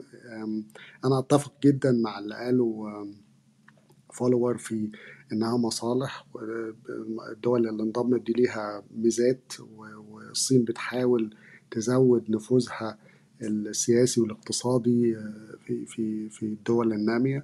وعايزة ت- تعمل يعني نوع من جبهة أخرى لل G 7 أو ال- ال- الناتو أو كل ما تقوده الولايات المتحدة. آه، لكن الصين في حد ذاتها من أهدافها أنها تحافظ على على ال stability أو استقرار الولايات المتحدة لأن أكبر اقتصاد في العالم. يعني الولايات المتحدة لو جرى لها أي حاجة أو اقتصادها جرى له أي حاجة العالم كله هي هيعاني من هذا. الكلام بقى بتاع إن إحنا هنعمل وحدة آه، وحدة وحدة عملة الكلام ده يعني ده كلام مرسل وشعبوي وأي حد بيفهم يعرف إنه توحيد العملة ده موضوع يعني يمكن يكون من أصعب المشاريع في العالم ولم يتم ده إلا في واحد أو اتنين زي اليورو آه، وحدة بعض الدول مع بعضها لأن بيؤدي إنك تتخلى عن قرارك الاقتصادي. يعني ال- الاتحاد الأوروبي القرار ال- ال- ال- العملة ما بتاخدوش الدول ال- ال- ال- ال- المشاركة وإنما بياخدوا ال ECB أو اللي هو الاتحاد آه، sorry البنك ال- الأوروبي المشترك وده آه، ده حقيقة مستقلة. فيعني موضوع إن إحنا نا- هنعمل عملة مشتركة والكلام ده طبعا لا يمت للواقع بصلة وموضوع يعني كلام أي مرسل وخلاص. الحاجة الأخيرة إنه هي المشكلة يا جماعة مش في في الدولار ولا ولا يعني اختار أي عملة تانية. هي ال ال ال الاقتصاد اقتصاد الدولة هو اللي بيع- بيقد بي بي بيحدد قوة عملتها. في دول آه، آه، بدون يعني ما هياش مؤثرة آه، عالميا ومع ذلك عملتها قوية وب- و- وبتلجأ ليها زي مثلا الفرنك السويسري أو أو الين ال- ال- الياباني. اقتصادها قوي لكن في نفس الوقت آه، آه، قوة عملتها جاية من من أشياء أخرى آه، آه، بالاستقرار والاستقرار ال- الاقتصادي والاقتصار الاستقرار السياسي وأشياء كثيرة. فموضوع إن إحنا كل هنعمل بقى عملة واحدة وسنتخلى عن الدولار ده يعني أقول أي حد بيتحدث بهذه يا ريت بس نقرأ شوية وبعدين نتحدث فيها شكرا. يا محمد الراجل, الراجل سمع الكلمات الافتتاحية بلغة تانية مترجمة بالعربي وقال كلام غير الكلام اللي اتقال. يعني هو انت فاهم الموضوع مش علاقة بالتعليم هو له علاقة ان هو يعني عايز يصدر رسالة معينة؟ هي رسالة قد تكون لطيفة يعني بس تمام ربنا يوفق الجميع وعشان يعني كده ربنا يوفق الجميع بنتكلم. يعني إن ما شاء هو الله. طبعا صدر كل واحد بقى يصدر رسالته بس أنا بقى بلاقي ناس يعني أصل هو والله بتشير العظيم أنا دورت على الترجمة والله العظيم و... دورت. أنا أنا قلت يمكن المشكلة في إن الخطاب كان بلغة أجنبية. الخطاب مترجم بالعربي. وموجود على ك... يعني موجود بكذا ترجمة يعني مفيش مفيش الكلام ده خالص. محدش قال الكلام ده بس يعني تمام. ربنا يوفق الجميع أستاذ أحمد إزيك؟ أخبارك إيه؟ اتفضل. إزيك يا نوي عامل إيه؟ الحمد لله. آه بص أنا كنت بس كنت عاوز أقول على حاجة اللي هي فكرة العملة الموحدة لدول البريكس دي دي دي حاجة يعني تعتبر مستحيلة يعني.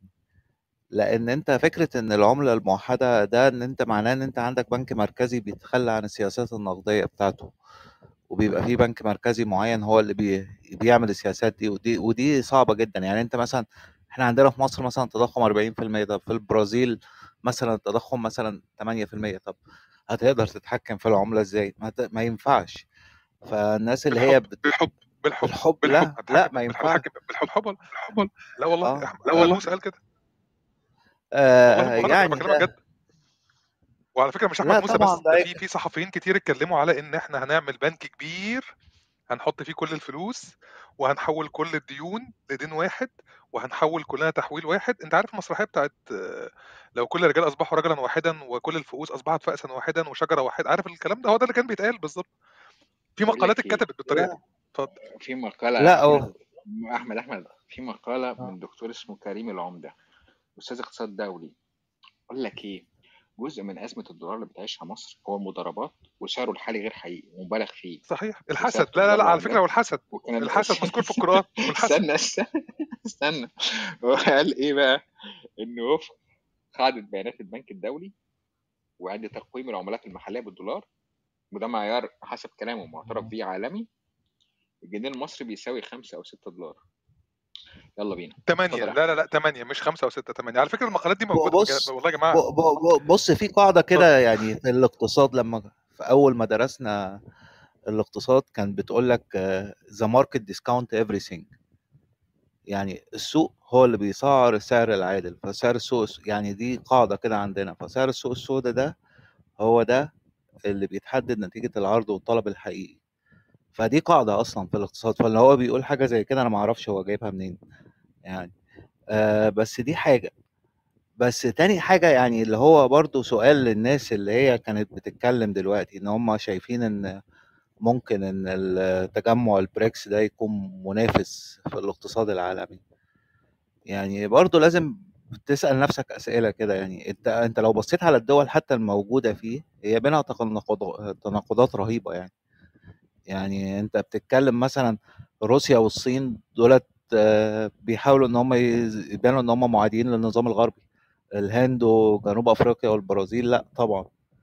حتى يعني اللي هو في في المؤتمر الأخير بتاع البريكس اللي كان في جنوب أفريقيا بوتين ما عرفش يروح عشان جنوب أفريقيا موقعة على اتفاقية اللي هي آه، التسليم فهم دولت الدول دي مختلفة. حتى الدول اللي داخلة جديد أنت بص يعني مصر أثيوبيا. اللي داعينهم آه، السعودية إيران.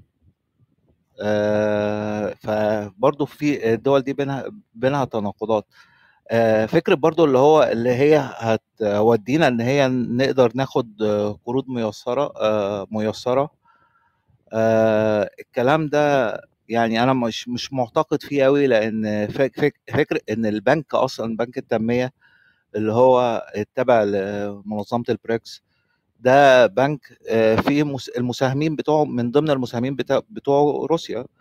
فهو لما بيجي يطرح سندات أصلا عشان ياخد فلوس عشان يقدر يسلف بعد كده فهو التكلفة والتأمين ب- بتاعه عالي. فهو برضو مش عارف ياخد آه، يطرح سندات لأن الفايدة بتاعته بقت عالية جدا ولما بيجي يسلف بيسلف بفايدة أعلى. ف آه، فهو فكرة اللي إحنا هناخد قروض ميس- ميسرة هو البنك أصلا ما بيعرفش ياخد قروض ميسرة. اللي هيس... اللي هيسلفك لو أنت معتمد على حاجة زي دي. اللي هو نتمنى بقى اللي هو لو لو هم يعني دي هتبقى مفيدة لينا لو هم حاولوا يعملوا صناعات أو إحنا اغرنا أغريناهم إن هم يعملوا صن- صناعات طب طب منطقة هقول لك على الأقصى. حاجة أنا هقول لك على أنا, اتفضل. أنا شخص آه، يعني بحب أروح للمصادر دايما عشان أعرف الدنيا ماشية إزاي. معلش يا شريف ممكن كان أجي عليك شوية برضو أنا حاجة الناس عارفين في الدور. رئيس الوزراء المصري قال كلمة مصر أمام القمة. في حد سمع الق... حد سمع الكلام بتاعه؟ لا أنا بغض النظر عن أحمد موسى أكيد أنا بس بسمع محمود طيب الراجل اتكلم في حوالي آه، ست دقايق. أنا ممكن أختصر منهم مثلا قفزات سريعة كده عشان نعرف هو بيقول إيه. فلو الناس تسمح لي بس ممكن نسمع هو رئيس الوزراء المصري اللي هو بتاعنا. رئيس الوزراء المصري مش إخوان مسلمين يا جماعة مش آه، بيعادي الدولة مش قناة الجزيرة آه، مش أي حد. هو ده يعني هو ده الشخص اللي بيتكلم باسم مصر فهو ده أهداف مصر من القمة. فلو الناس سمعت وعلى فكرة هي موجودة على قناة تن تقريبا اسمها كده آه، موجودة ال- الكلمة بتاعته بشكل واضح وبيقول إيه و يعني الناس ممكن تسمع الكلام بتاعه فممكن نسمعه خلينا نسمعه مع بعض ونشوف هو قال إيه.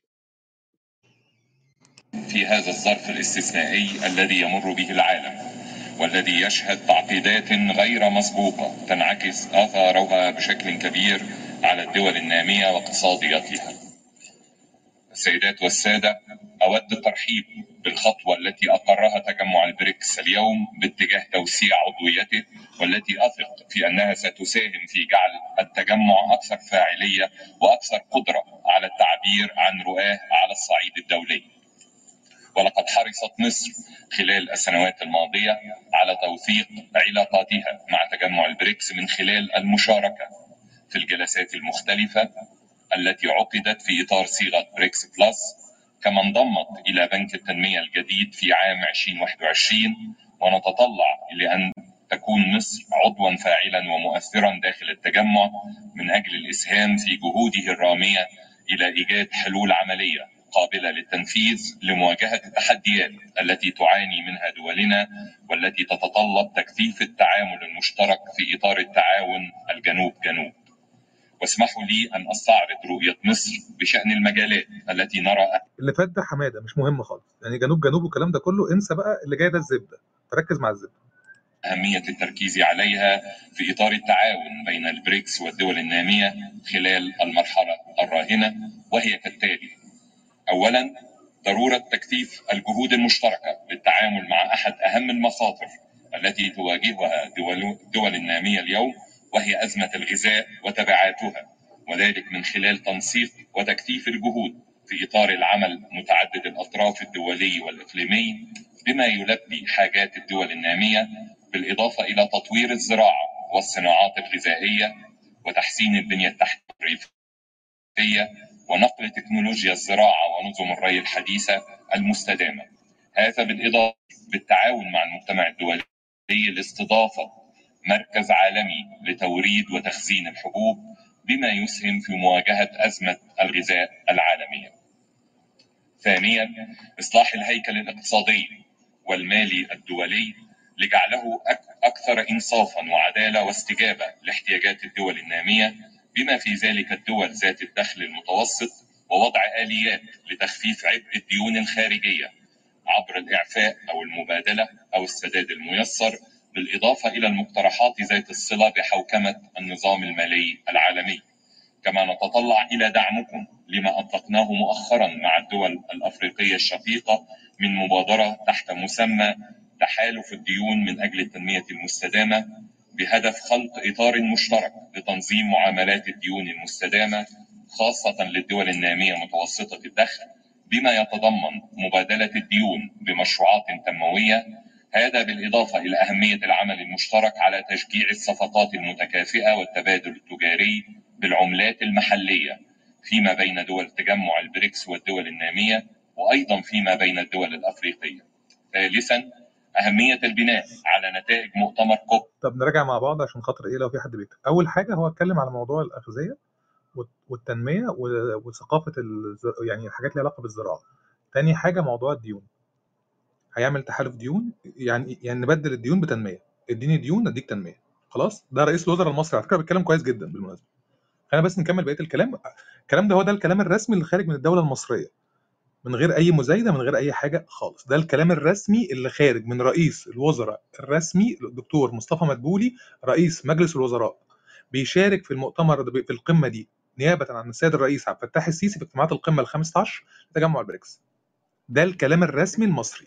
خلينا نكمل أنا ممكن أسألك. سؤال يعني يعني اتفضل. إيه مبادلة ديون بتنمية؟ يعني والله يعني عندي نفس السؤال. يعني هقول لك على حاجة هقول لك على حاجة هقول لك على حاجة هقول لك ما هو هشرحها لك والله هبسطها لك دلوقتي أنت الدول بره طالبة منك إن أنت تعمل حاجة اسمها التحويل نحو الطاقة الخضراء. يعني أنت افترض إن أنت بدل ما تعمل مازوت وحاجات من دي أنت محتاج إنك تعمل آه، حاجة ليها علاقة بالتنمية. اللي هو الهيدرو... مصانع تعمل الهيدروجين الهيدروجين الأخضر. الهيدروجين مثلا الأخضر إن أنت مثلا محتاج إنك تعمل حاجات ليها علاقة بت- بتصنيع حاجات معينة دول تانية محتاجاها.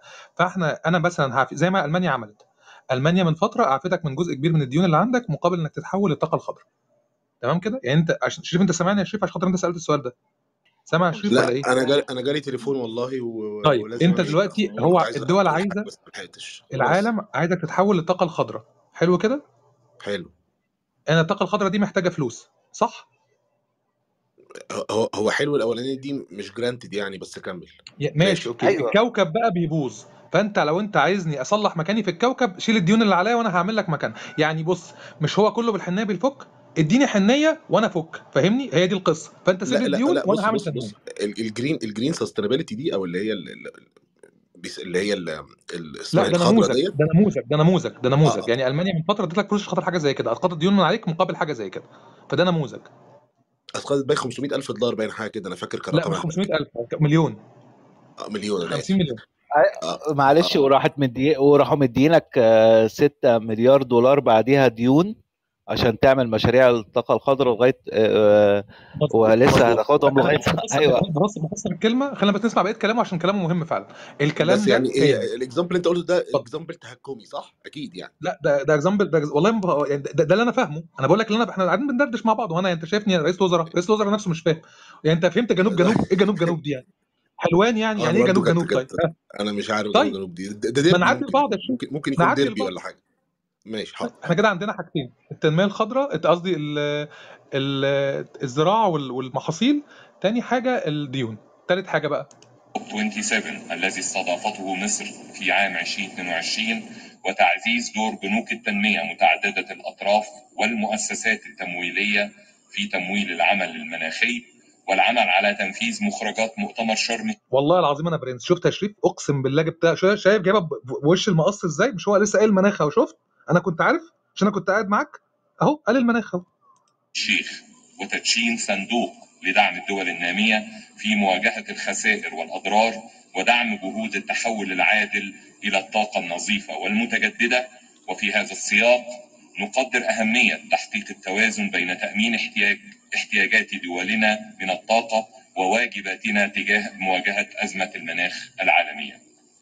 رابعا ضرورة إعلاء مبادئ القانون الدولي وميثاق الأمم المتحدة في العلاقات بين الدول واحترام سيادة الدول وعدم التدخل في شؤونها الداخلية والاستناد إلى المحافل الدولية المتعددة الأطراف والعمل الجماعي لمواجهة التحديات المشتركة والاعتماد على سياسات التهدئة والحوار والتفاوض من أجل التوصل إلى حلول سلمية للنزاعات لا سيما وأن السلام والأمن والاستقرار شرط أساسي لتحقيق التنمية.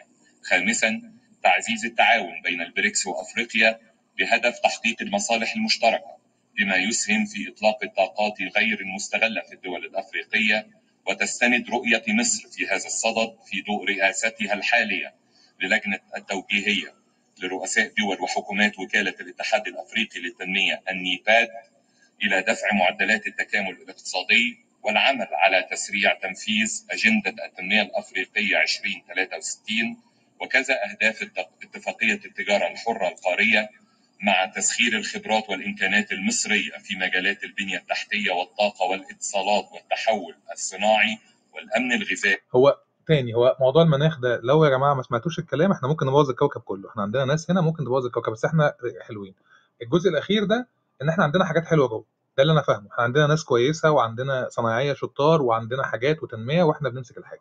خلينا نكمل بس. هو الراجل قرب يخلص الكلمة. دي أهداف مصر. آه ما الم... تقطعش كلام دكتور أشرف. الله يخليك. حاضر